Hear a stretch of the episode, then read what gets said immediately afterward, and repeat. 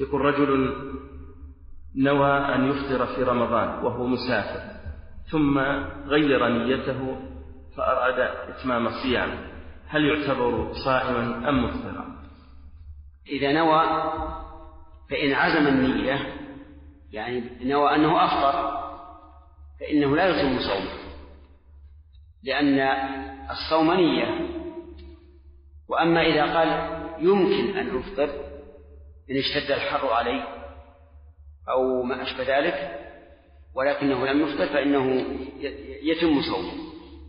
فالكلام على عزمه إن عزم أفطر وإن لم يعزم فإنه لا يفطر.